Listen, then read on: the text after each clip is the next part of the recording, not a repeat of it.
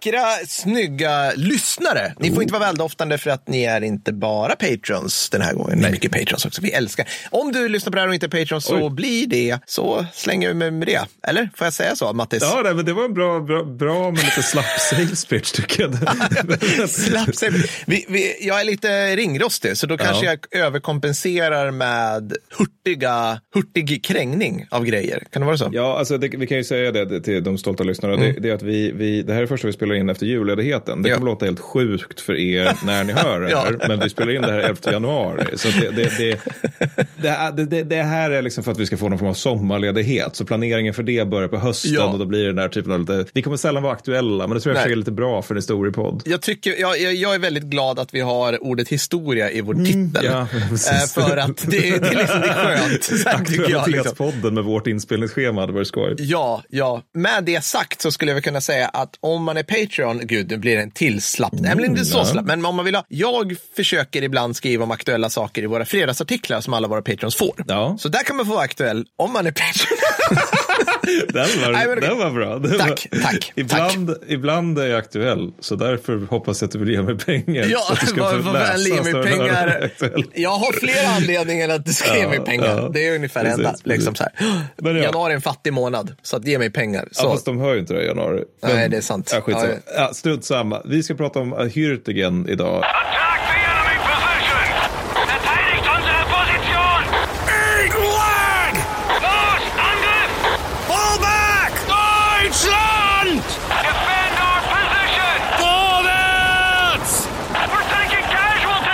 Korrekt. Och vi ska prata om det ur tyskt perspektiv. Jajamän. Alltså hur var det för tyskarna i Hürtgenskogen 1944 under hösten. Det, jag kan spoila här redan nu. Det var jättejobbigt för dem.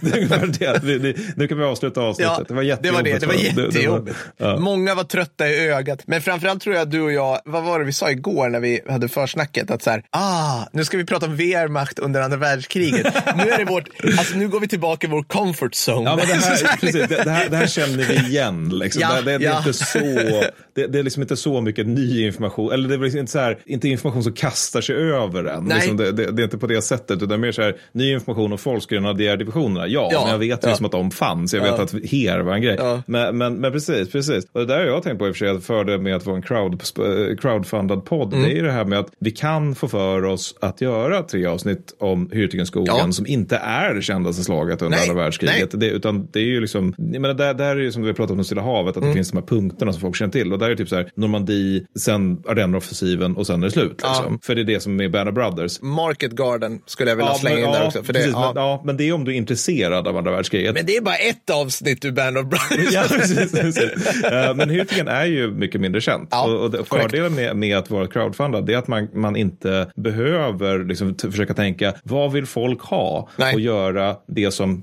alla andra gör. Nej, nej. Jag tänker jag vara så arrogant att jag påstår att vi inte gör det. Men, men just, ja. Nej men och det stämmer ju. Jag menar, Fredrik har ju st- stackit in den lilla faktan liksom att grabbar, våra serier är inte lika vällyssnade Nej, som våra liksom standalone. Men då kan jag säga så här, det struntar vi för jag och Mattis vill göra de här, för de är så roliga att göra. Så det kommer bli mer serier, så Ja, kan vi säga. Mm, Men eh, vi har utskrik. det har vi. jag har ett utskrik. Du har ett utskick. Mm. Det här är ett utskrift som gjorde mig lite förbryllad. Så att Okej. jag, jag tänker ta upp det. Det, det, är, det är gammalt som Men Ja. det, det, vi har ju det här med att man kan ge oss betyg på Spotify och på, på eh, Google, eh, vad heter det nu? Eh, Apple- eh, Apple Apple Podcaster. Podcast, Ja, ja. precis. Eh, Så gör jag gärna det. Gör Det vi glada det. för. Särskilt om ni ger oss god kritik. Och du anklagar mig för att vara så här slapp.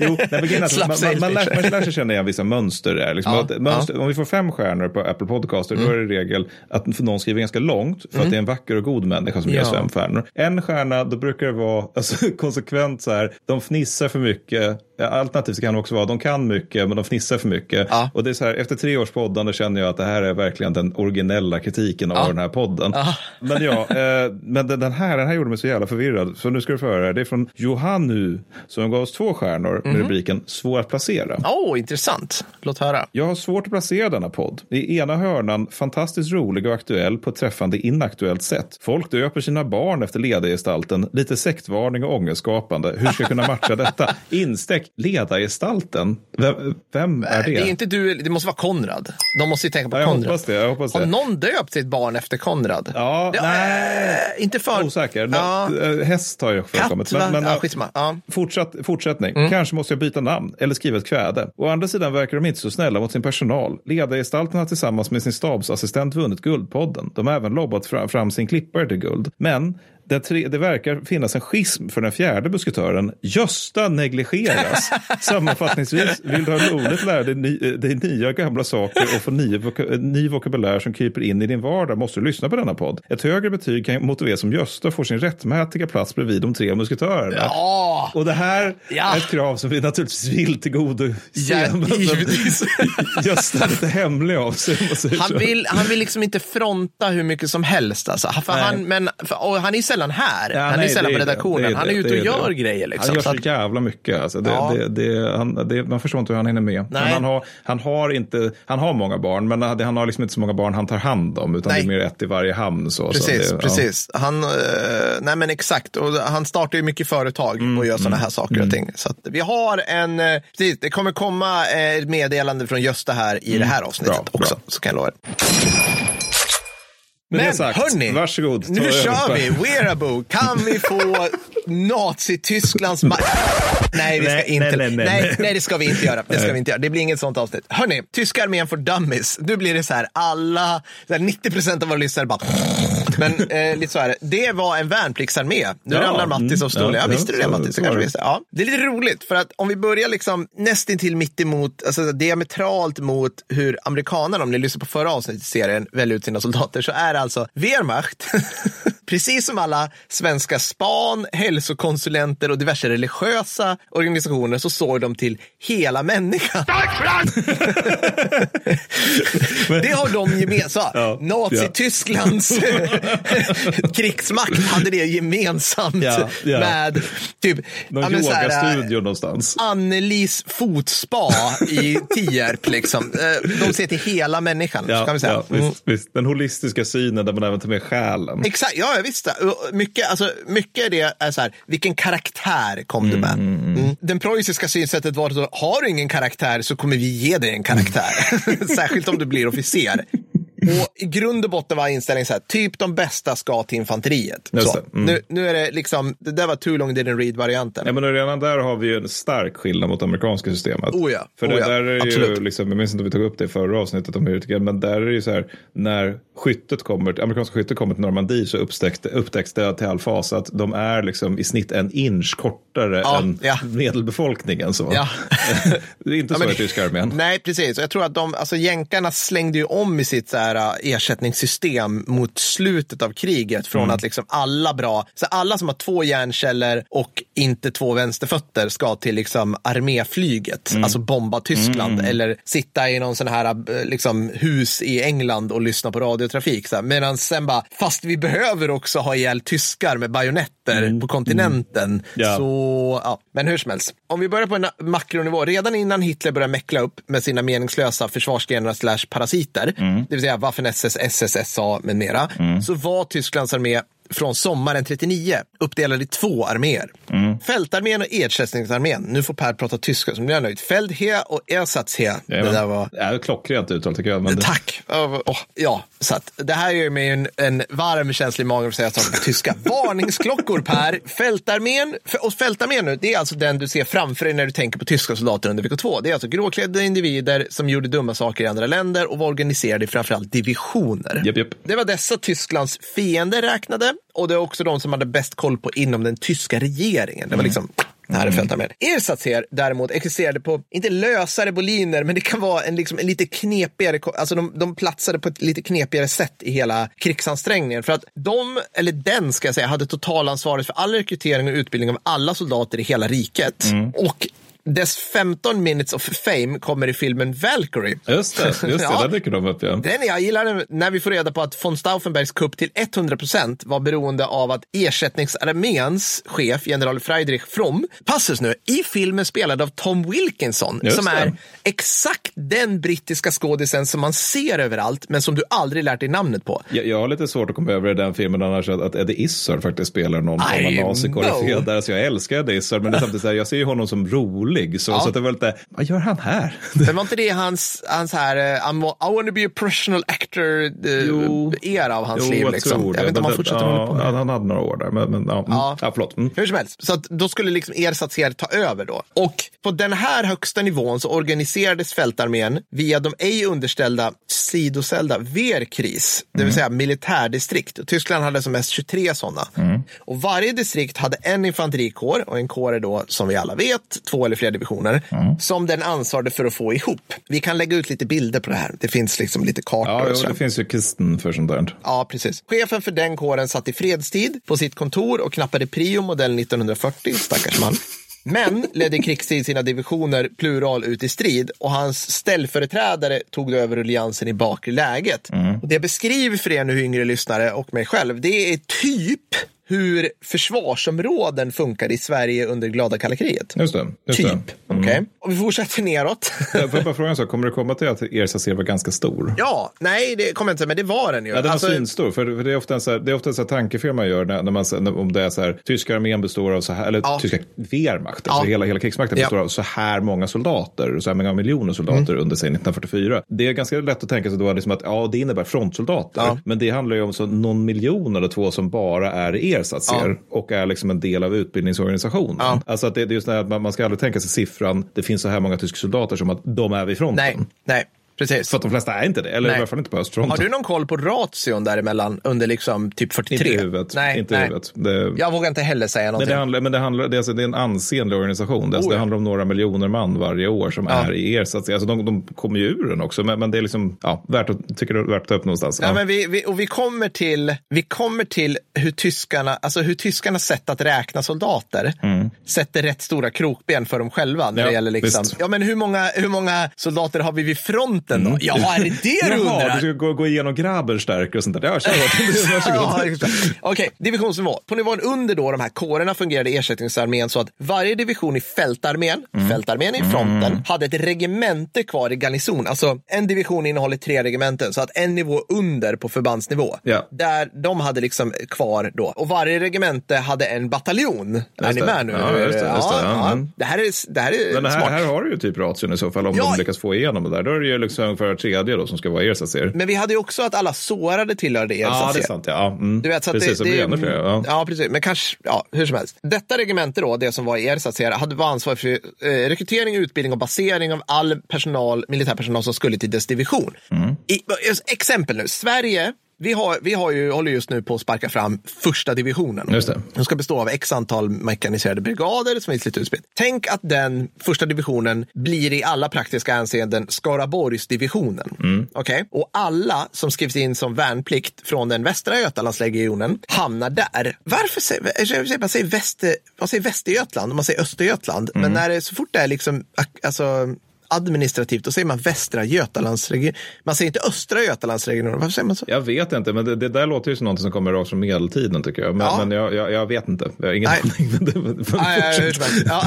Okej, så under tiden då som Skaraborgsdivisionen är ute och krigar i Stora Nordiska 2.0 så hanterar Skaraborgsregementet hemma på P4 antar jag, allt det som divisionen behöver i form av människomaterial. Just det. Eller jag Mm. tror till och med material överhuvudtaget. Ah, ja, det är lite hipp som happ. Så förutom de inryckta som låg under utbildning på då Skaraborgsregementet kom också alla soldater som var på hemrotation låg på sjukhus eller annan typ av konvalescens att tillhöra ersättningsarmén och sitt regemente. Så alltså KSB Karlsson som får splitter i kroppen när han krigar för Skaraborgsdivisionen utanför Smolensk och behöver vård i hemlandet.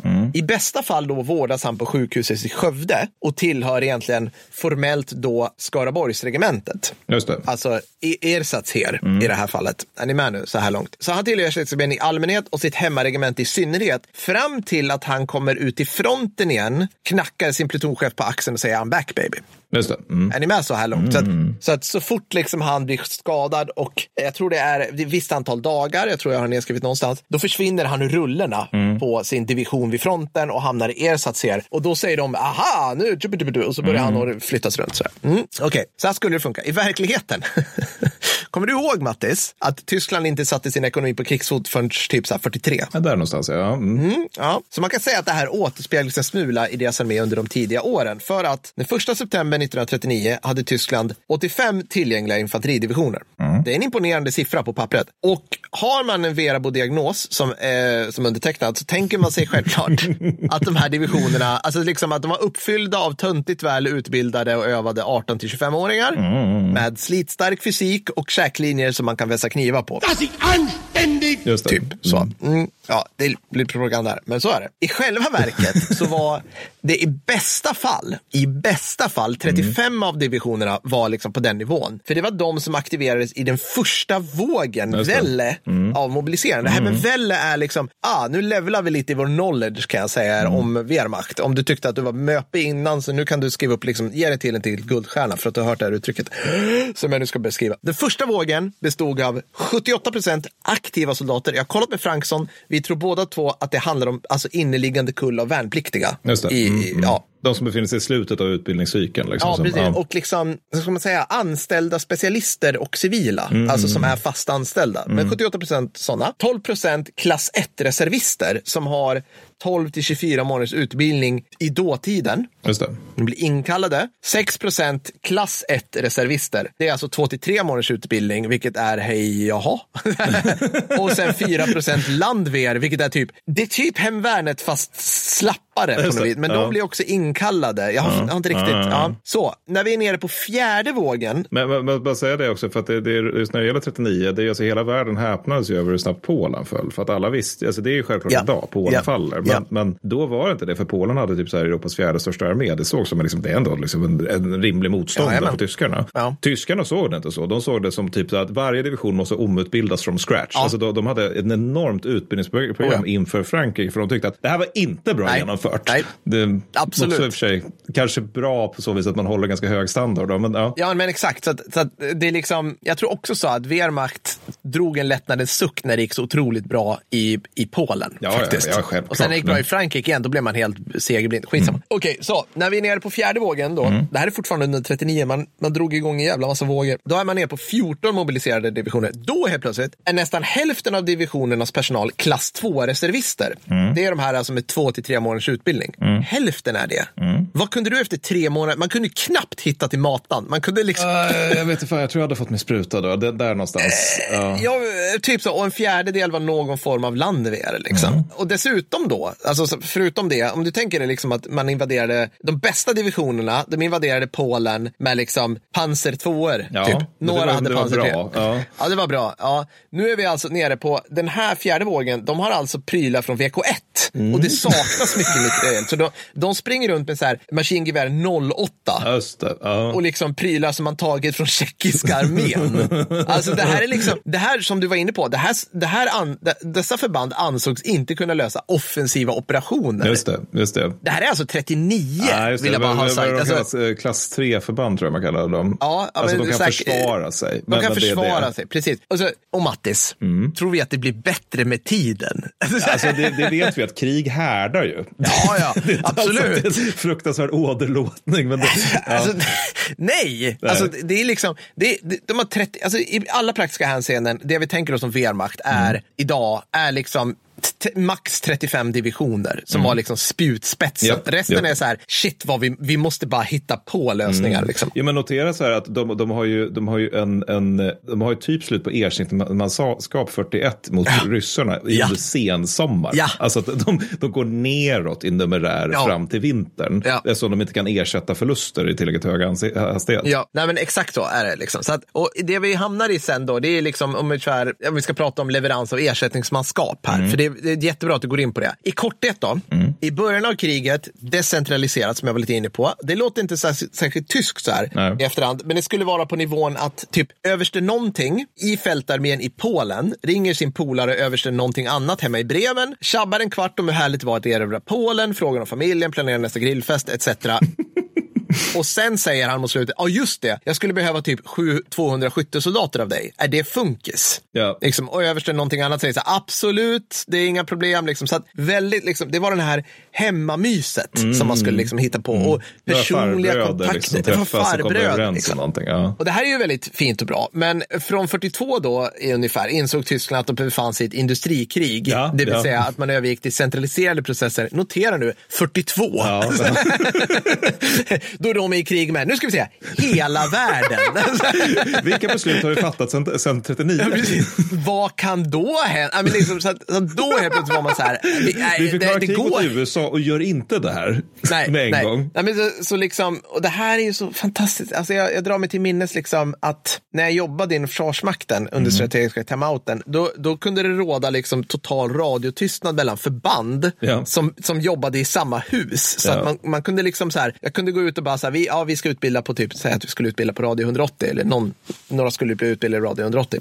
Mm. Och så bara, de har styrt upp en jättebra radio 180-skola, Ja. grannförbandet. Varför har inte vi pratat med dem? Alltså nu, nu blir det ju, nu ska ju vi ha en och dem. Varför kunde inte vi skicka med folk? Förstår du vad jag Ja, menar? jag förstår vad du menar. Så, där var det, så precis där var det på vår gamla arbetsplats. Det Ja. var ju också så olika, det- man kan sitta i ett par rum med vägg i vägg med varandra och det var fortfarande så noll kommunikation. Ja. Bara, nej, men vi har gjort det här, bara, vi har gjort något helt annat. Vi kan inte liksom, utbyta erfarenheter. det blir, det blir så otroligt ineffektivt. Det är Ja, ett det. resursslöseri. Och det hade Tyskland absolut inte råd med. Så, att, så de börjar centralisera. Mm. Och nu vi kommer in på det här som vi pratade om, alltså tyskarnas system för att räkna sårade.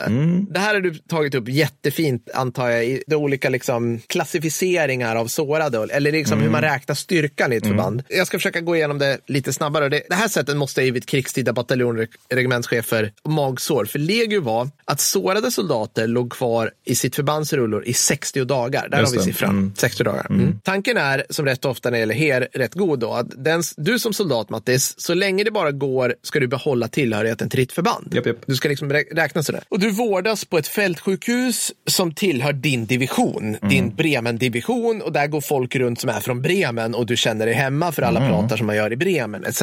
Jag för mig att sjuksyrrorna ganska ofta var rekryterade från Bremen också. Alltså det att, de, att de kommer liksom hemifrån så, så att man känner sig lite som hemma. Ja, visst. Liksom. Tyskarnas vision var att divisioner som drabbades av höga förluster skulle dras ur linjen för att få återhämta och förstärka upp i lugn och ro. Så helt enkelt. Så att då skulle liksom, ja, nu är många förbättringar. Då drar ni tillbaka så att det, det, det både vårdar era sårade och sådär. Side note då, det här är alltså tvärt emot det amerikanska systemet som behöll divisionerna i linjen men fyllde på med manskap. Side note till side note, det är därför tyskarna slutade kriget med över 300 divisioner och amerikanerna med runt 100. Här har jag inte orkat kolla upp det här exakt. Just men så att det, ni vet. precis. Men, men, men att numerären kanske är lite annorlunda i de divisionerna. Eh, men ja. det där är också en så här ganska vanlig, apropå det där jag sa med att man, man liksom, tankefel som görs. Ett annat tankefel som ofta görs det är ju att så här, räkna divisioner snarare än numerär. När man ska, Exakt. här, vi ska göra en jämförelse. Hur starka är amerikanerna i Normandie? Hur starka är tyskarna i Normandie? Okej, men hur många är det i varje division? Ja, precis. Precis. Då, då, då, då blir det lite lurigt. Liksom. Ja. Exklusive det här med att amerikanerna har ju så oändliga mängder manskap i olika bataljoner som är helt fristående Ja.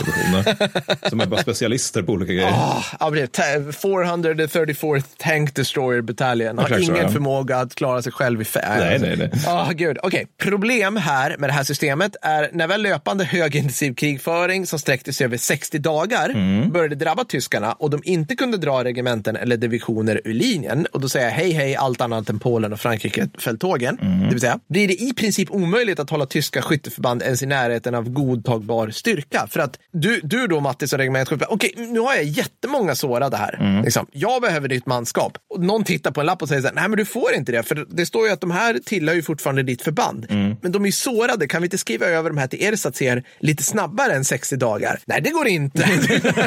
nej, det är omöjligt, skriker de. Liksom. Fler oj hoppsan krig i viss logistiklärdomar som tyskarna fick över sig kommer du ihåg, kära lyssnare och Mattis, i ovan att varje regemente, division och kår skulle ha en mysig plats hemma.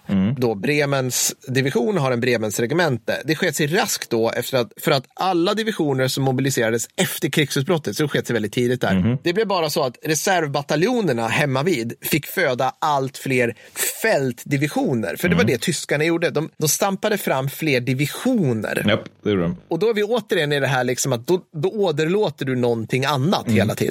Liksom. Men, men det där var någon grej, jag minns inte, det var någon mani Hitler hade vill jag minnas. Att det, det var just det där att han, han tyckte, han ogillade att upplösa divisioner Ja. för det såg ju dåligt ut. Ja, ja. Eh, Utan att han hellre skapade nya, och också just att han hellre skapade nya än att förstärka gamla. Att Ja. det, för det, för det, ledde, det, blev, det blev väldigt joxigt på östfronten när en division kunde ha 500 skyttesoldater. Ja. Och så helt plötsligt dyker upp en så här helt grön division Ja. med så här 15 000 man alldeles bredvid, men Ja. som inte vet någonting. Ja.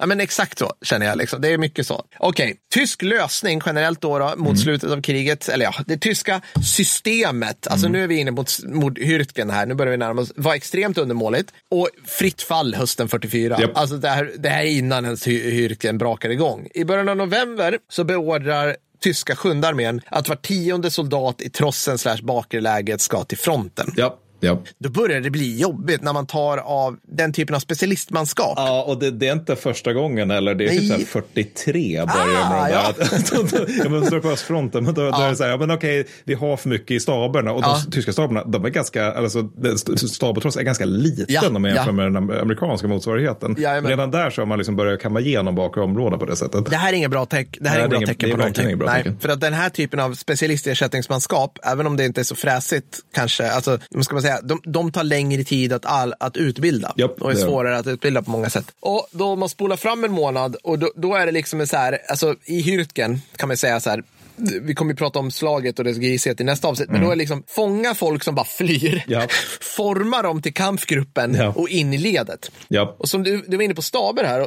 Det, här är- det här är intressant faktiskt. Det är inte så ofta vi, vi sjunger stabernas lov, men det kan vi faktiskt göra. För att tyska staber hade överlevt Normandie och flykten från Frankrike hyfsat intakta. Ja, det är typ enda fördelen de har. Alltså. Ja, men, men, det, ja. men det gör ju att det finns någonting att hänga upp förstärkningar på. Precis, precis. Och de flydde, eller flydde, de retirerade. Men det gjorde det som, de, de kunde rafta ihop förband rätt exakt. Och side-note nu, tänk nu på att en tysk divisionsstab 1944 består av folk som ett har genomgått kanske dåtidens bästa officersutbildning Ja. och två har varit i krig i fem år mot nu alla de, länder. de, de vet nog vad de gör. Ja. Alltså, Ja, de kan man nog sin tänka. skit. Ja, ja, ja. Jo, nej, men det, det är nog precis. Det, det är nog en ganska, det är ganska bra klädhängare att hänga grönt manskap på. Så. Verkligen, liksom. så att det finns liksom det finns en poäng och sen mycket av det vi ser är ju också liksom att de här staberna under Hürtgen, jag vet inte om jag går för, händelserna i förväg, annars får ni klippa det, det är att de liksom, de följer inte med sitt manskap, utan manskapet under dem blir liksom utraderat, det vill säga skyttebataljoner och liknande. Mm. Japp, japp. Och sen kastar de in nytt hela tiden. Men det gör också liksom att staberna har det här organisatoriska minnet, medan liksom bataljonerna under dem har inte det. Medan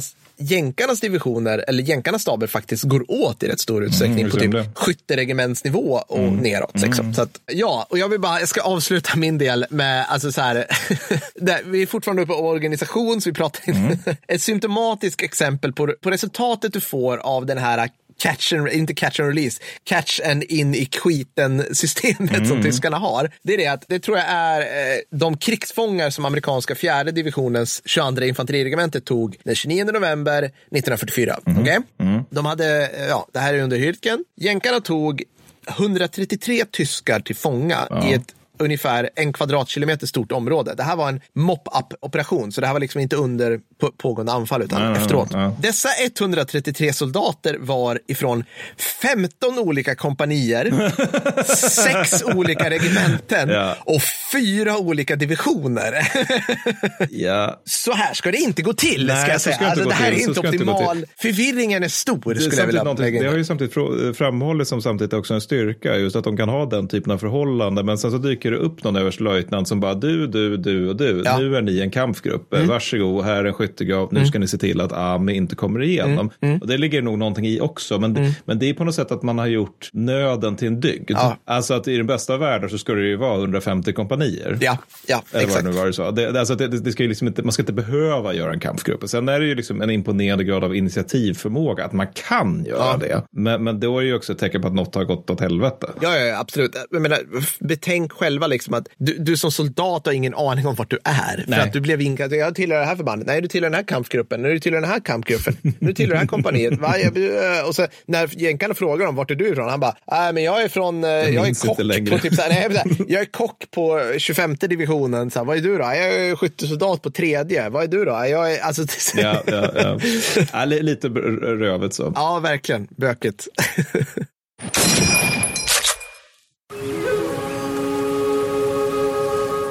Hör upp, kära lyssnare, för Gösta Pansarporr AB har i och med detta avsnitt släppt gjort sin andra expeditionsresa till Hürkenwald. Gösta försäkrar att han, är helt i linje med Hürkenmuseets riktlinjer, eh, jag lovar, har lokaliserat bland annat ett antal STG-44 i skogen som du kan få lägga beslag på. I förekommande fall är det glömska alternativt livrädda värnpliktiga som lutat de här automatkarbinerna i klykor på låga träd och sedan glömt dem i över 70 år. Vilket har gjort att de likt k-pisten i kvarn växt ihop med träd. Men ingen fara, du får med trädet på köpet. Mattis, du har väl en välväxt björk slash panzerfaust nyplanterad på tomten va? Jajamän. Ni hör, passa på nu.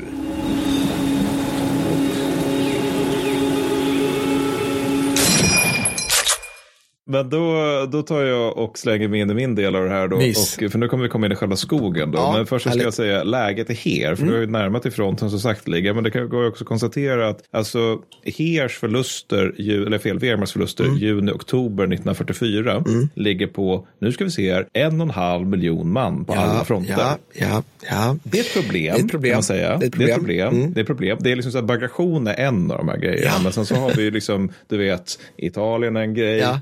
Försvaret av riket en grej, Ja. västfronten en grej. Alltså Normandie är, inte minst i krigsfångar, så är ju det liksom en riktig flistugg för tyskarna. Typ så här, en sån här grej som att typ så här Balkan blossar upp då. Jo, jo, visst. Jo, visst. Men det, det är samtidigt, det- skulle jag säga lite övervärderat. Ja. att Alltså, ja, det blossar upp, men, men det, är inte, det, är inte, det är inte det här svarta hålet liksom, som Nej, är nej. östfronten Nej. och Normandie. Och det är klart det är så, liksom, för det är partisaner. Men, Ja. men vi ska snacka om det där någon gång. Men, men och sen så naturligtvis, industrin är i fritt fall. Ja. Mm. Och snart har vi slut på soppa också i riket. Då. I, I väster så, håller, så sätts tyskarna att hålla Westwall. Då. Mm. Westwall, den, den är ju alltså inte uppdaterad för 1944 års för- förhållande. Nej! Eh, Det är alltså illa, illa bemannat och illa byggt. Ja. Det finns star starka befästningar kring Aachen som ligger i närheten av Hürtgen. Mm. Då. Och i Hürtgens byar där, där tenderar de att lägga sig i källare istället. Då. Alltså i, alltså, för det, det står ändå emot det mesta. Men är det inte så att det är lite så här, de, alltså de, de städer och byar som ligger liksom längs med Västwall, Mm. eller Sigfridlinjen eller vad man nu vill kalla det, de har liksom källare som är byggda för det. Jo, lite grann, eh. Ja. alltså som fungerar som typ motståndsnästen. Ja, alltså, men inte alls så blir de ju alltid det. Ja, Liksom. men jag har för mig att vissa är det. Alltså på Ja, riktigt, att det ja, är så här, det, de är byggda kör. för det. Men det, Ja. det, kan, det är säkert inte alla. Alltså det, beskri det beskrivs ganska återkommande att liksom de här små ensliga skogsbyarna, att deras källare tar emot direktträffar med artilleri. Ja, men att precis. liksom, då, då rimligen har man gjort man har någonting. tänkt, Då. tror jag, där liksom. Ja, ja. Men och de som håller Hürtigen med omnejd då, det är sjunde armén och nästan alla dess div divisioner beskrivs i böckerna jag läser om det här som remains of. Alltså du vet, det är så här, remains of 25th Grenadier Division. Det är sju pers och en åsna. Alltså det kan vara den, det, Ja, den det, storleken. det är den här staben du pratade Ja, om som exakt, kan agera exakt. klädhängare. Ja. Liksom. Men, men, men, och, och det gör den ju, men också det, det är liksom på något sätt, det, det gäller ju då att man också får förstärkningar. Ja. Vilket det är liksom inte, det är ingen självklarhet hösten 44 Nej. för tyska förband. Så. Och de som håll, liksom inledningsvis är i skogen är 74 kåren under Erich Straub. Den här stärks, stärks upp allt eftersom Mm. då.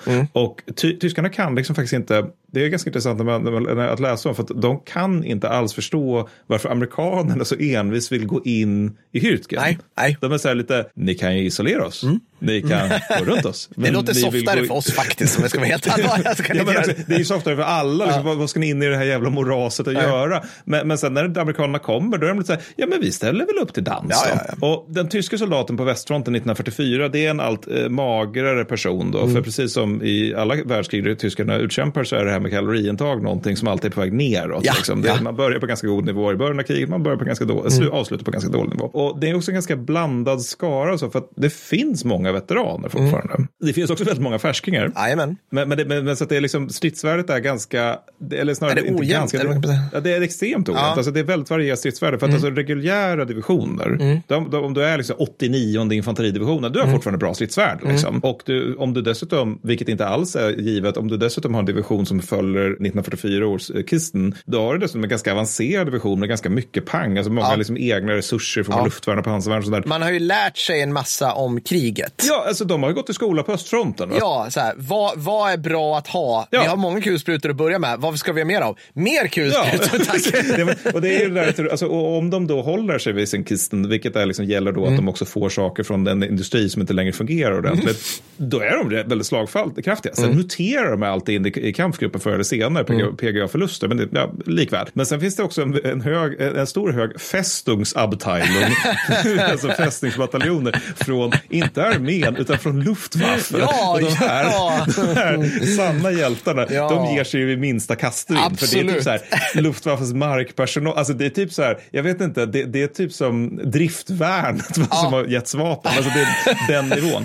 Andra, medan andra divisioner, de beskrivs som citat, suicidalt envisa av amerikanerna. Och sen har vi sådana så här konstiga liksom, konglomerat som tredje fallskärmsdivisionen, alltså inte tredje fallskärmsjägare, utan tredje fallskärmsdivisionen, Ja, ja. som saknar hopputbildning Ja, ja, ja. och stridserfarenhet, Ja, ja. annat än på liksom officers och underofficersnivå. Då. Och manskapet inom Stora kaninöron, de är liksom på 16 till 19 år gamla. Ja, men de har ändå de här fallskärmshjälmarna så att de ser, absolut. För, de ser snäviga ut. Men jag vill minnas att själva namnet var för att det skulle ge lite råg i ryggen. Ja. Liksom, så då, ju, ju längre kriget går, desto coolare operationsnamn och Ja. divisionsnamn får, får ju tyskarna. Mot slutet har de, ju, de har ju på allvar, alltså, de har ju divisioner som heter så här efter Wagner-sånger och Ja. sånt där mot slut. Alltså då är det ju 45. Det är typ som att ryssarna lägger på så här gardeschock. Alltså så här Ja, men på allting liksom. awesome, cool name. Så.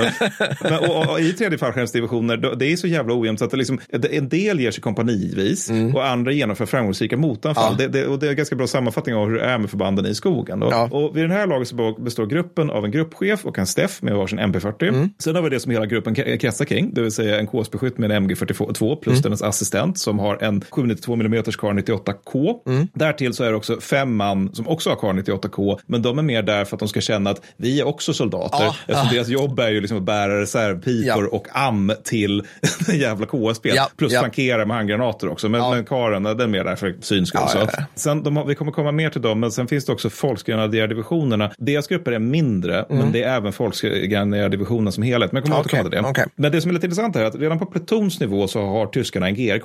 Ja, Och PV, det finns som en organisk del av divisionen. Även- Och det liksom även i form av Panzerfaust och Panzercheck som finns på mer eller mindre alla nivåer i divisionen. Och de är ju fruktade av all, de allierade av Oh ja. goda skäl. Och även det som, efter, och det, det är liksom något som även börjar dyka upp här i, inte minst i Yrtigen då, det är det, det som efter många namnbyten kommer, byten kommer att kallas för SDG44. Mm. Alltså det, det finns en myriad av namn. Jag vill minnas att det är något sånt där, Hitler tycker inte om den, vi byter namn på den.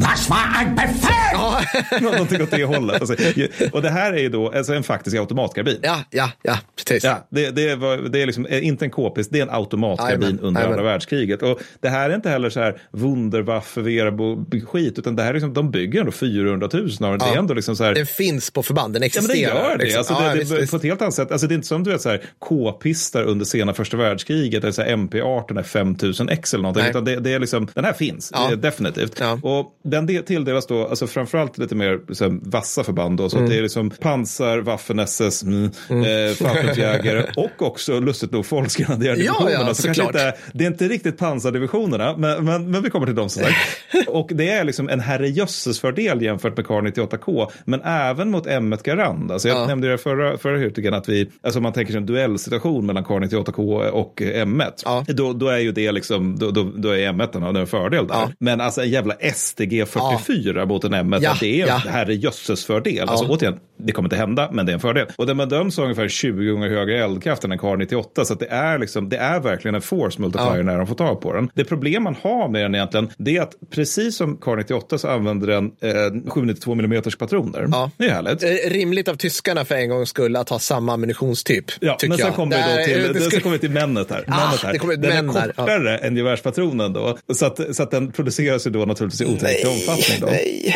Och i st- till stor del, apropå det här med lärosäkriget, så bär också tyskarna kamouflageblusar. De har de här, vad heter det, splittarnmyster till exempel. Mm. Saker så. Och det beror också väldigt beroende på terrängtyp. Då. Stahlhelm har man ju naturligtvis, men den har också blivit allt mer matt i färgen, ofta också målad i olika kamouflagefärger. Naturligtvis, stridsvagnar har man också, kinkiga men bättre bepansrade och beväpnade än de allierade dit. Och, Hade inte också till 44, hade inte typ varje infanteridivision, hade, när jag säger hade menar jag, Ja, skulle ha, säger att de ska- ja, ja. skulle typ ha en kompani eller en bataljon med stugg va? Ja, som PV. ska de ha och eh, de ska ha, vad heter Organiskt de? liksom, det är ju jäkla. Ja, de, de ska också de här små, vad de nu heter. Ja. Ah, skitsamma. Ja. För jag tror ibland, jag, det jag har läst, jag har ju läst eh, amerikanska böcker och skildringar av Hürtgen, då är det så här, they attacked us with tanks. Och jag tänker alltid, det är förmodligen en stugg. Ja, det, det är en stugg eller en marder. Någonting sånt. Ja, här, det är. Ja, men allting som ja. har pansar och en pang är en tiger. Ja, ja, eller- så så är får man fråga den som blir anfallen. Och det är inget konstigt med det. Men, men en grej med de tyska vagnarna också, det är att de just i Hürtgenfälten faktiskt för en gång skulle lite mer lämpade än de amerikanska dit. För att de har bredare band. Just Sen är de jävligt få.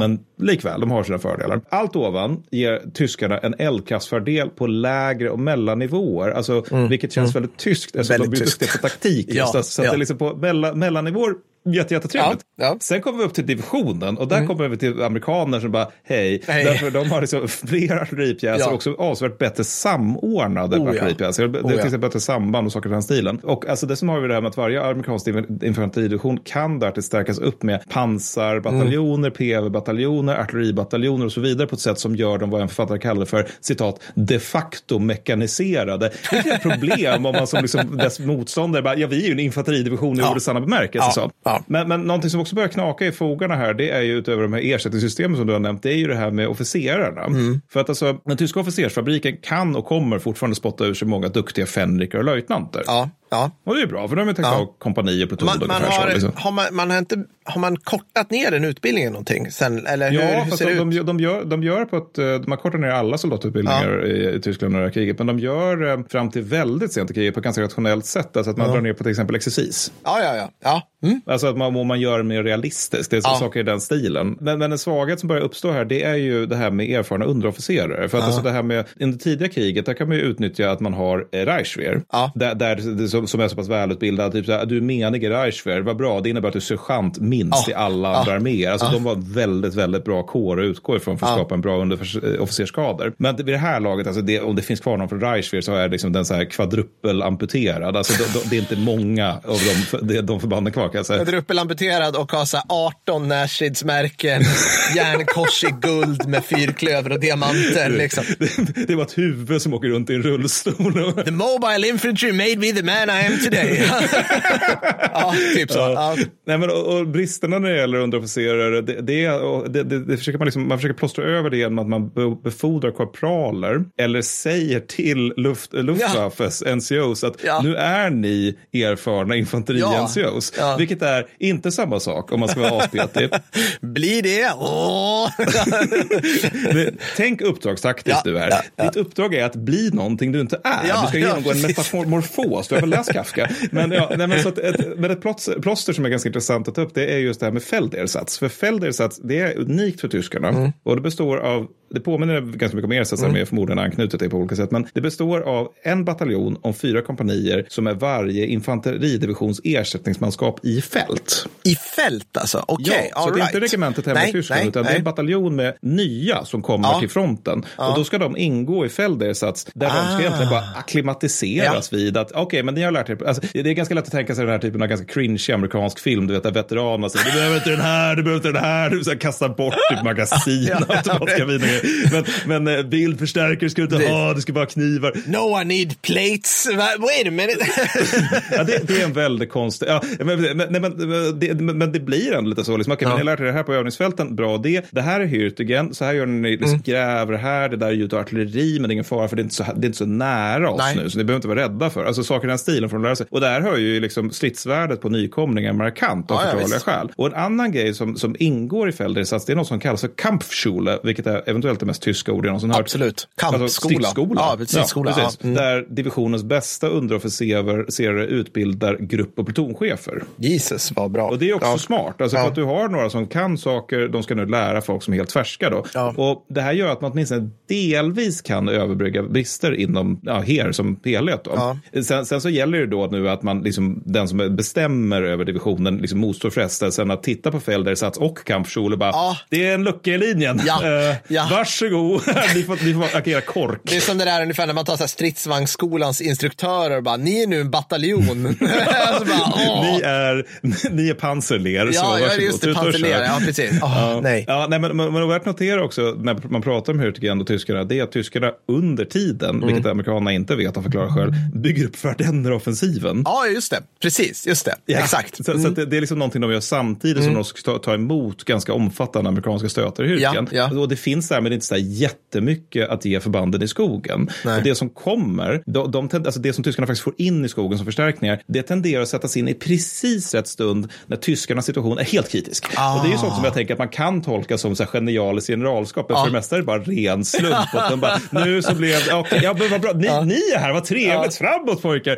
Och det är även liksom också extremt svårt att rotera förband, så amerikanerna, de kan ju göra det. Det beskrev vi ju ganska mycket i förra avsnittet, att de sätter in division efter division efter division. Mm. Men tyskarna däremot, de blir ju kvar i ruttna, ruttnande skogen förbandsvis då. Så att, alltså fördelen med det, det är att de känner skogen, de vet vad, liksom, hur Ja. det ser ut där, Ja. hur man ska göra och så vidare. Nackdelen det är att deras förband successivt blir utraderade. Ja. Och då kommer vi då till det här som jag hotat med, det vill säga folkgrenadjärdivisionerna. Ja, äntligen. Nu blir det ära. Jag ska inte sluta säga så Ja, men- ja, det, ja, ja. Take it nej, away. Ja. nej, men av de 13 divisioner som vid ett eller annat tillfälle sätter in förband i Hürtigen F5, då eh, folkgrenadjärdivisioner. Ja. då. Och det är lika många som antalet, eh, lika många som antalet infanteridivisioner som finns i skogen, då, eller som har förband i skogen. Och folkgrenadjärerna de upprättas efter 20 juli. Och vad hände 20 juli, Per? Vänta, är det, är det då det är Stauffenbergs eh, Jajamän, plotten? då är det då ja, Valkyria. ja, Det- det- just det. Så, och det, det, här, det här blir ju liksom lite av ett paradigmskifte i tyska arméns andra världskrigshistoria. För det är så att Hitler tycker lite att nu har ni, nu har ni dummat er här. Ja, nu har ni dummat er. verkligen dummat er Ja. här. Så efter 20 juli så aktiverar man då Folkströmdivisionerna som en slags sista klass med tärningen egentligen. Och jag får det till att det totalt är 82 stycken folkgrenadjärdivisioner under hela kriget. Och, Ja. och alla de här är inte nyupprättade. För att en del är liksom divisioner som redan existerar och får titeln folkgrenadjär- folkgrenadjärdivision lite grann som ryssarna använder garde. Ja, där har vi det. Mm. Alltså att de, de, de har bevisat att de är duktiga. Liksom. Men, medan andra utgörs av liksom, omformerade divisioner. Att de har liksom, förintats och sen byggts upp igen. Så. Och de har, alltså de flesta, alltså de första 19 upprättas av en blandning av färskt manskap och sönderslagna divisioner redan i augusti 44. Så att det är 19 divisioner från 20 juli till augusti. Ja. Vilket är ganska mycket. Ja. Och sen så är det ytterligare 49 totalt, eller fel, 49 totalt till mitten av oktober. Så det är en Mm. satans divisionsproduktion här. Då. Och initiati- initiativet, det är ju liksom så här Nazitysklands svar på Joe Exotic fast folkmördare. det vill säga det är Heinrich Himmler som Ja. PGA 20 juli då. Eh, som, för det är ju en liten grej, han är ju chef för Ersatser. Ja, ja, ja. Han är ju chef för allt i Tyskland. Jajamensan. tilläggas. Alltså, det är så varje grej man kan liksom stoppa sitt finger i, det har Himmler Ja. liksom Ja. alla fingrar och tår i. Så han är ju chef för Ersatser. Och han vill nu, han vill liksom ha en, liksom, en partitrogen del av Heer. Ja. Alltså, det ska inte vara som, vi har ju redan Waffen SSR, va, som är liksom en, en politisk styrka i högsta grad. Men nu ska vi ha liksom folkgrenadjärdivisionerna som ska vara en del av Heer, men vara trogna partiet snarare än de här gamla mossiga preussiska idealen. Just liksom. det, just det. Klassiskt sista sucken för en fascistisk stat. Ja, Ja, men det, då, ja, liksom, då. ja, det, vi måste blir nästan lite glad det när man just hör Det sånt liksom, här, för då vet man ja. att det går dåligt för Ja. onda. Liksom. Men, men så det, det man ska göra, det är återigen tanken här, återigen faller in tanken, Mm. verkligheten. Tanken är att man ska, alltså de bästa officerarna ska Mm. handplockas. Och, och det också, de ska också vara de bästa och därmed de mest nazistiska. Ja, just det. det är synonymer Det naturligtvis. är ett till ett förhållande där såklart. Liksom. Ja. Men, och det, här, det här är ju alldeles för mikrointensivt för tyskarna med tanke på Ja. läget i Heer. Det Ja. går inte riktigt. Men, men samtidigt det finns ganska många riddarkors på, på regements och bataljonnivå i, i folkgrenadjärdivisionerna. då. Bland de meningar så det är en mycket blandad skara. För tanken är att det här ska vara 18 till 19-åringar i god form. Mm. Jag för mig att det här är den sista vällen de faktiskt får ur sig så. Jag har för mig det, om det är 38 vällen. Mm, Ja, Så 30, ja, det är vansinnigt. 38. Det stämmer nog rätt bra. Jag tror Ja, men då är det jag inte så. ska- Ja, ja, men då, mm. För det är den här då. Det, det är tanken att det ska bara liksom vara tippade spear, liksom blomman av vår ungdom som Ja. ska skickas ut och slösas bort i olika meningslösa sista striden-grejer. Så. Givetvis. Eh, Praktiken, det är att det inte finns så många kvar som inte redan är i uniform av Nej. den typen. Nej. Alltså för men återigen, vi har ju tredje eh, fallskärmsdivisionen då, de har ju 16-åringar i förbanden. Ja. Va? Alltså, och jag vill bara, jag vill bara passus här som vi pratade om i förra då, avsnittet i serien är att vid det här laget Mhm. i kriget, då har USA slut på de här. Alltså, så Ja, här jo, jo. Vad tror ni då att Tyskland har? Jag vill bara, så, alltså, det, Men, och det, liksom, där, det där tänkte jag på lite grann, att det där säger nog någonting om ändå hur duktiga både ryssarna och tyskarna var när det gällde förbandsproduktion. Ja, Ja, För att eller de hur? har Det måste vi ge ryssarna i fyra Det är år. Ja, ja, men absolut. eh, måste ryssarna. För att alltså just, de, de, har, de har ju sitt förintelsekrig i fyra år. Ja. Förlust, förlusterna är liksom mångdubbelt fler per sida Ja. och ibland, ibland större per enskilda slag än vad en kan ha förlorat under hela kriget. Another victory, Commander. Exakt. Och det ja, inte enskilda stad, men i alla fall många, mångdubbelt större liksom per sida. Så. Ja. Och trots det så lyckas de ju ändå liksom upprätthålla intakta arméer Ja. hela vägen till Berlin. Alltså det, det är någonting gör båda sidor rätt där. Någon gång borde vi prata om det. Ryssarnas förbandsproduktion under VK2. Ja, Ja, absolut, absolut. För det är typ den viktigaste orsaken till att de vinner. verkligen. Ja. Mm. Men då, lösningen på det här med att det inte finns några 18 och 19-åringar, eller fall inte så många, det, det är ju då att man tar folk från fabriker, ersätter med kvinnor, vilket Hitler är fruktansvärt emot. Nej, nej, nej, nej, nej, nej! Man tycker att det här, det här är så här urspårad PK-grej som liksom har gått alldeles för långt, så tycker Hitler. De ska ju vara hemma och föda barn till Ja, nästa ja. generations ariska supermänniskor. Precis, Ja. de ska ju få moderkors. Man tar också sysslolösa, vad nu det är, inom krigsmarine och luftwaffe och gör dem till infanteri. Ja. Och löser alla problem. Man sänker tiden för accepterad konvalescens och sätter in sårade som skytte. Ja, ja. Det här är ingen bra idé, Nej. men man gör det. Och så tar man också polacker, ukrainare med flera och utlovar tyskt medborgarskap efter Endzig. Liksom. Alltså att om, om, ni bara, om ni bara slåss lite för oss så kommer vi efter segern så kommer ni bli arier, vi lovar. Får jag, bara, får jag bara lägga in det här att det här med att ta folk från Luftwaffe och krigsmarin vid det här laget, de har ju haft ett rätt nice krig. Alltså så här, liksom, om, du, om, du, om du inte sänks, om, mm. säga, om du är krigsmarin och du inte sänks så här 40-41 eller tillhör ubåtar, Ja, då är det utan nice. du tillhör en kryssare, då ligger du i Wilhelmshaven och rullar tummarna och äter gott och är, ja, men du är ju i the prime of your life. Ja, så att det, det är absolut inte orimligt. Men bortsett från portvinstån som de har hunnit utveckla under Ja, sin ja. krigsinsats så är det förmodligen helt kompetent manskap. Så. Nästa tanke är ju att det här ska vara elit så man ska ge dem de bästa vapen. Bra, mycket. Praktiken, de får bra vapen i, må- i månaden fram, man får fram sådana. Ja. Och de prioriteras då för STG 44, alltså det var därför jag tog upp den. Mm. För varje eh, folkgrenadär infanterikompani ska ha två stycken så kallade k-pisplutoner. Och där ska varje pluton, alltså varje var, 26 av 32 man ska ha en STG 44. Åh fan, väldigt ryskt av det här att ha den typen av, alltså koncentrerad. Ja. De hade ju submachine gun Ja, companies. det, är, typ, det var här. typ bataljoner med sådana. Men, men, men det är också det är en jävla eldkraft Ja, per pluton det det. för den här tiden. Och det här gör då att man, man, på, på, liksom, man har bara en grupp i KP, per KPs-pluton som får eller ens behöver en MG42. Alltså MG42 börjar dras tillbaka. Jaha, alltså för att okej. man har automatkabiner Ja. i de här divisionerna. Då. Men det blir ändå liksom 11 stycken MG42 per eh, folkgrenadär eh, infanterikompani. Så de, de har väldigt hög eldkraft på korta avstånd på det sättet. Så det är liksom fortfarande fler medeltunga bandmatade kulsprutor än vad ett amerikanskt skyttekompani har. Ja, ja, ja, tillägga. Ja, mycket fler. Ja, det, det är tyskarna, var Ja, ja. Ja, men, men centrerad pluton, det är mobboffren i kompaniet, för de, de får bara kar 98 helt Jaha, enkelt. Men sen så är tyska toen 1944 verk, mot verkligheten, det är helt olika saker.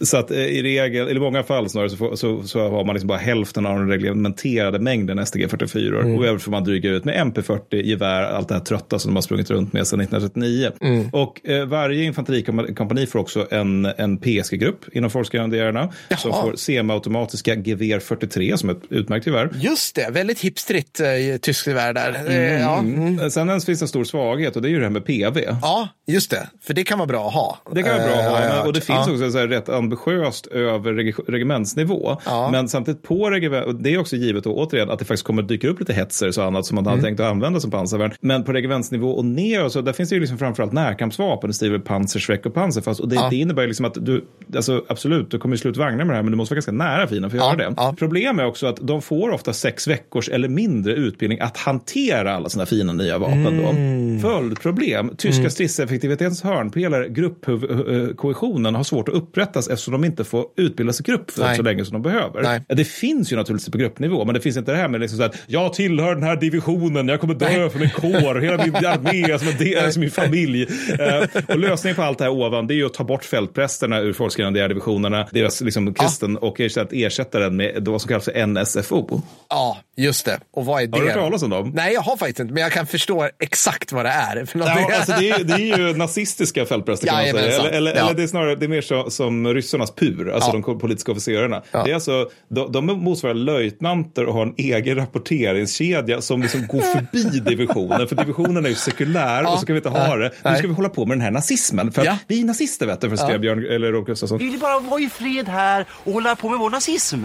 På den tiden fortfarande rolig, vilket är fruktansvärt länge sedan tråkigt nog. Och de här alltså, NSFO-officerarna, de är ofta djupt impopulära bland, impopulära bland soldaterna och också djupt olämpade för sina uppgifter.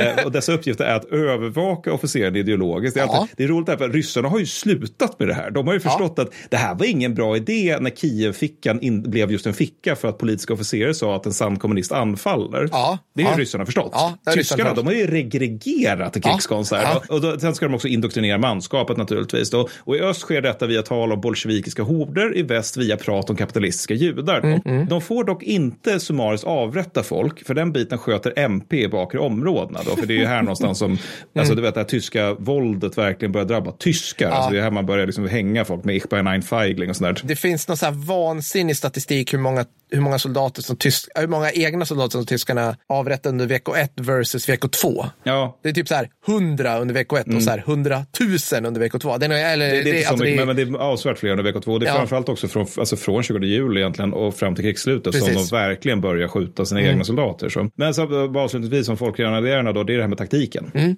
Ja, Det finns ja. nämligen ingen särskilt upprättad taktik för folkgrenadjärerna. De, de har uppfunnit egen taktik nu. Alltså, vi tycker inte att det vi här var tillräckligt bra. Vi var bäst i världen på alla krigsskådeplatser. Tre till ett förhållanden.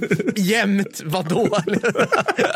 men, men, men det är liksom också lite problematiskt för att alltså, de, de, de är mindre, är ungefär 10 000 man, än vanliga infanteridivisioner som är på 12 12 till 15 000 man. Ja, och då är det ändå lite för att vara en division ska vi säga i det- vecko det, gör, 2-mått. det är ju det också, men, men det är också att det här med att det gör också- att de, de, de beter sig som tyska divisioner. Men de saknar egentligen numerär för lyckade anfall. Ja, Anfall ja. är mycket mer lämpade för försvar. Ja. I och för sig bra i specifikt Hürtgenskogen och så där försvarar de sig och anfaller inte så mycket. Men, men de gör ju hela tiden motanfall. Och de saknar också taktisk mobilitet. Närmsta som är motorisering är just lite hetzers som ofta finns på pappret snarare än i praktiken. De ges dock tysk standardutbildning, det vill säga de får lära sig att, man ska, att initiativ är allt. Ja. Men även att försvaret är ett beklagligt övergångsstadie. Om man kopplar det här nu till ökad betoning av ideologi, färre officerare och uppmaning om initiativ utan utbildning för att ta bra initiativ så blir resultatet att amerikaner från både Hürtigen och Ardennerna vittnar om att folkgrenadjärer specifikt genomför mänskliga vågeranfall. Ah. Apropå det här med regregerad Apropå krigföring. det, ja. Så att, så att folkgrenadjärdivisionerna, en, en anledning till att jag upprätthåller mig så mycket vid dem, det är att de är en väldigt bra sammanfattning av sena krigstyskland. Ja. Det vill säga, man har ett jättestort hopp om teknik och när det inte funkar, kör mer nazism. Nej, vi är nazister vet du. Ja, ja. Och jag, ska bara ta en liten avslutning här, för att det, vi, gick igenom liksom rätt mycket själva bataljen förra gången med hur amerikanerna trycker sig på. Så jag ska liksom inte utsätta lyssnaren eller dig Per, eller stackars Fredrik. För, och sen så tog 89 Nej, tyska infanteridivisionen emot ett anfall. Det var jättejobbigt. För att det, det har ni redan hört, ni vet ungefär hur det går till. De, amerikanerna tröskar sig fram i skogen, det går fruktansvärt långsamt, alla dör. De tyska förlusterna är ungefär som de amerikanska. Förmodligen något lägre. Och de förlorar en större andel av de insatta förbanden. Men å andra sidan så får de som vanligt ut mer eh, per soldat än de allierade. Eftersom Jajamän. amerikanerna är cirka 30 procent fler än tyskarna i skogen. Och här vill jag nu upprätthålla med, det här är helt sjukt. ja, jag vet. Det här är helt sjukt. Men notera så här, mängden brister som du har tagit upp och som jag har tagit upp. Ja. Och som Ja. amerikanerna inte har. Ja. Framförallt när det Ja. gäller materiell. Ja. Och notera även att Hürtigon till stor del hålls av andra klassens förband. I en Ja. armé som förblödit. Ja. Och som samtidigt förbränner i för fritt fall. Ardenner-offensiv. Ja, men de, de, de, de på med... ja. Jag spetsförbanden ska ju genomföra Ardenner-offensiven. Hur går det här till? Nej. Alltså, hur, hur kan man ha paritet i förluster mot en fiende som är fler? Alltså, det, det är jätte, Nej. jättekonstigt. Och eh, notera, sen kan man också notera att det här är ovidkommande. Ja, jag vet. Alltså det, det spelar absolut ingen lång roll i långa loppet. För alltså, så här, striderna i Västfall, det gör så här att man till 45 bara, oj, vi har inget infanteri kvar, skit, vi har inga pansarsoldater kvar. Nej. Vilket gör liksom att de som håller i skogen, de kommer ju sedermera bli, bli liksom inringade och tillfångatagna i Ja. lurfickan Ja. till 45 då. Men, men, men så liksom, hur förklarar man då att de ändå vinner hösten 44 mot amerikaner i Hürtgen? Mm. Då, liksom, dummaste jävla förklaringen jag någonsin hört talas om, det är orden, de försvarade. Just det. Vet du några andra som försvarade? Tyskarna.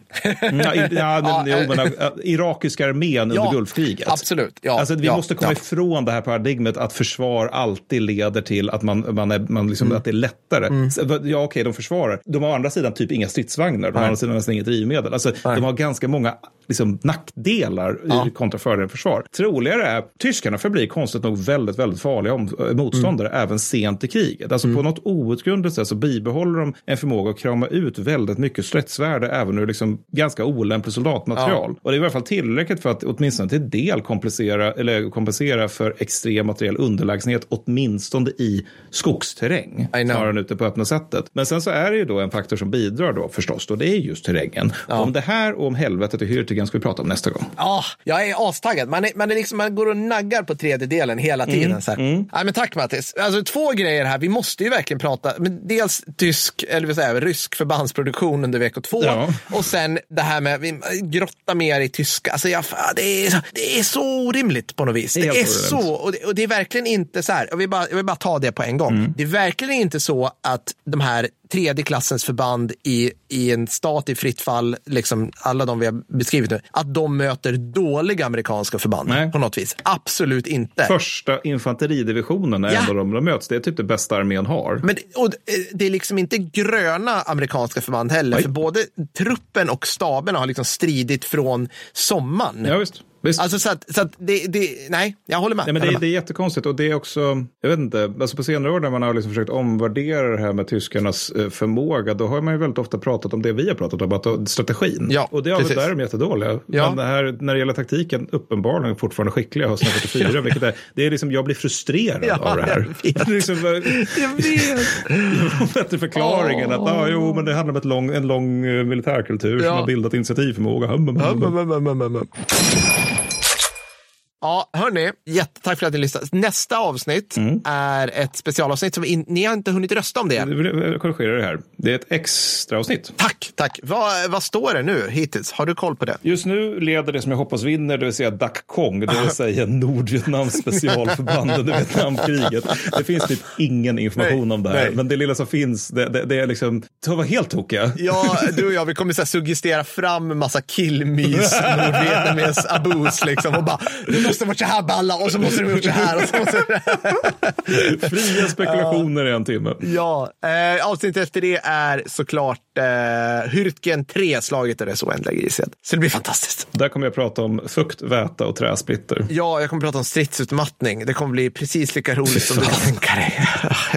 Ja. Hörni, en sak som jag verkligen eh, ser fram emot, jag, Mats och Fredrik, det är ju att få träffa er när vi firar alla dessa Guldpodden-vinster. 15 februari kommer vi få träffa er. Det ser vi jättemycket fram emot. Jag tror det är bra bit över 100 som har anmält sig nu, så det ska bli superkul. Och det brukar alltid vara asmysigt att träffa patroner. Ja, verkligen. Vi ska ha lite quiz och eh, allmänt hurra för Fredrik som drog hem årets klippare. Ja, det ska vi göra. Det är rimligt. Det borde vi göra oftare. Ja, det borde vi göra. Hörni, ni har varit underbara. Tack för att ni lyssnar. Tack för att ni finns. Tack bra. Hej då. Hej då.